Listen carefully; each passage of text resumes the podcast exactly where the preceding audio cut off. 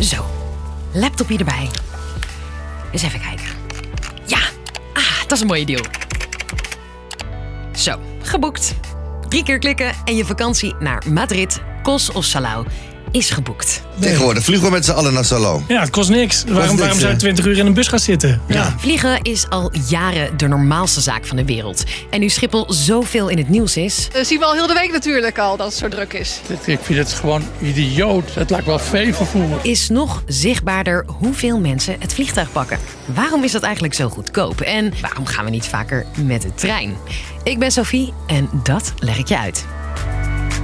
Lang verhaal kort. Een podcast van NOS op 3 en 3FM.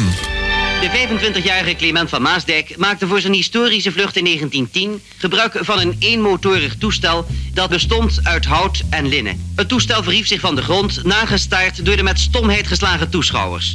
Tja, het was niet altijd zo vanzelfsprekend als nu. Lange tijd was het vooral voor de rijken. Nog hier en daar een laatste groet en na een extra controle van alle instrumenten verheft het machtige vliegtuig zich in de lucht. Maar dat veranderde vanaf de jaren 70. Vliegen werd een business. De hele winter door brengen eenmaal per week tien of meer vliegtuigen honderden toeristen uit het kille West- en Noord-Europa naar Malaga in het zonnige zuiden van Spanje. Vliegtuigen mochten ook naar andere landen vliegen en er kwamen steeds meer luchtvaartmaatschappijen bij. En door die concurrentie werd vliegen veel goedkoper. Klinkt vandaag de dag zo.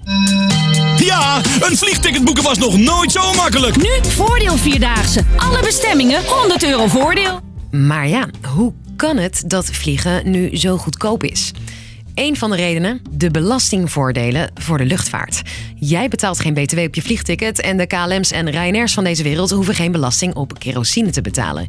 Maar vliegen is vooral zo goedkoop. Omdat het een hele efficiënte manier is van mensen van A naar B te verplaatsen. Je hoort Vincent Wever, expert op het gebied van openbaar vervoer. Als je eh, een vliegtuig pakt, je stijgt op op een vliegveld. Vervolgens heb je alleen de lucht nodig om doorheen eh, te gaan. En eh, je landt weer bij een vliegveld. En eh, dat is wat je nodig hebt. Je wordt dus in een korte tijd door weinig mensen en middelen van A naar B gebracht. Scheelt geld. En die lage prijs is ook te danken aan je medereizigers, zoals die in de business class. Zij betalen soms veel meer om jouw spotprijsje Nu vanaf 299 euro. te compenseren. Vliegen kan dus spotgoedkoop zijn. Leuk voor je portemonnee, maar minder leuk voor het klimaat, zeggen experts al jaren. Zoals Paul Peters, lector duurzame luchtvaart. Ja, misschien moet je je dan gewoon voorstellen dat je over pak een beetje 50 jaar moet uitleggen aan je kleinkinderen dat het klimaat eh, op dat moment dat er allerlei rampen aan de gang zijn en, en vluchtelingen, klimaatvluchtelingen en eh, stukken land lopen onder en bossen verdwijnen en branden.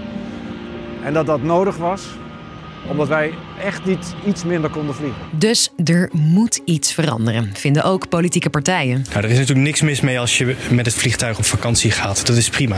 Maar vijf keer heen en weer in een jaar omdat je op Ibiza een cappuccino wil drinken, ja, dat is natuurlijk te veel van het goede. Dat soort stunten, die vliegende kiloknallers, want dat zijn het natuurlijk eigenlijk, daar stoppen we mee. De politiek discussieert al langer over een minimumprijs op vliegtickets. Maar zover kwam het nog niet.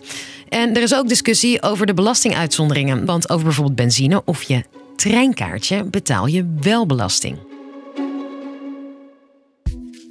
En zo'n treinkaartje is populair. Steeds meer mensen gaan met de internationale trein om verschillende redenen. Omdat de trein natuurlijk een stuk beter is voor het milieu. Ja, toch goedkoper als met de auto. Met het vliegtuig is het natuurlijk een stukje drukker. Dus, eh, En zit je eenmaal in de trein, dan is het nog comfortabel ook. Ja? Ja, zeker.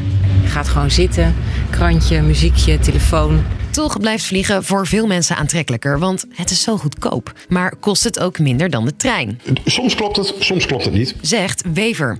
Er zijn namelijk, als je goed zoekt, best wel goedkope treinreizen te vinden. Een mooi voorbeeld is eh, Parijs. Eh, Londen gaat ook eh, erg goed. Eh, veel andere bestemmingen in Frankrijk. Duitsland nu met top, eh, waar je gewoon voor 9 euro een complete maand onbeperkt met de trein kunt reizen. Maar wil je verder dan onze buurlanden, dan wordt het al snel veel duurder. Waar het vooral in zit, zit in de mindset, mindset van spoorwegmaatschappijen. Die zijn nog heel erg nationaal aan het denken. Dus die zijn vooral bezig met eh, mensen binnen hun eigen land vervoeren.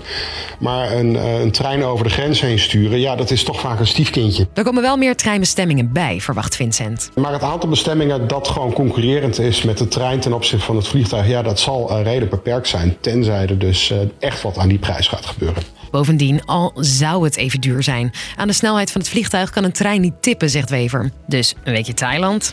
Met de trein gaat het heel lang duren, ja. Als je überhaupt met de trein naar Thailand kunt komen. Dus, lang verhaal kort. Vliegen kan zo goedkoop zijn omdat het een hele efficiënte manier is van reizen. Dat zou duurder moeten zijn, zeggen sommige experts en politici, omdat vliegen slecht is voor ons klimaat. Met de internationale trein kom je ook steeds verder. Maar zeker als je verder wil dan Parijs of Londen, blijft vliegen voorlopig nog goedkoper en sneller.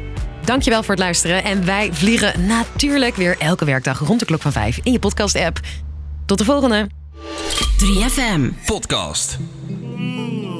Hallo, Sander hier van de 3FM Ochtendshow. Ik weet als geen ander hoe belangrijk een goede nacht slaap is. Slaap ik niet goed, dan merk ik dat de rest van de dag. Maar hoe zorg ik nou voor een goede nacht slaap? Dat zoek ik uit in mijn podcast, waarin mijn droomgasten vertellen over hun slaapgeheimen. Als ik thuis ben, met de kinderen bijvoorbeeld, dan uh, dut ik soms even mee. Ja, ik kan makkelijker een dag zonder eten dan zonder slaap. En we testen ze ook gelijk uit. En loop zo lang door als je wil, totdat je heel lekker in slaap valt. Een podcast over slaap en om in slaap te vallen. Ga er maar eens lekker voor liggen. Dit is Sanders Dream Team. Slaap lekker. Check hem in de 3FM-app of jouw favoriete podcastplatform.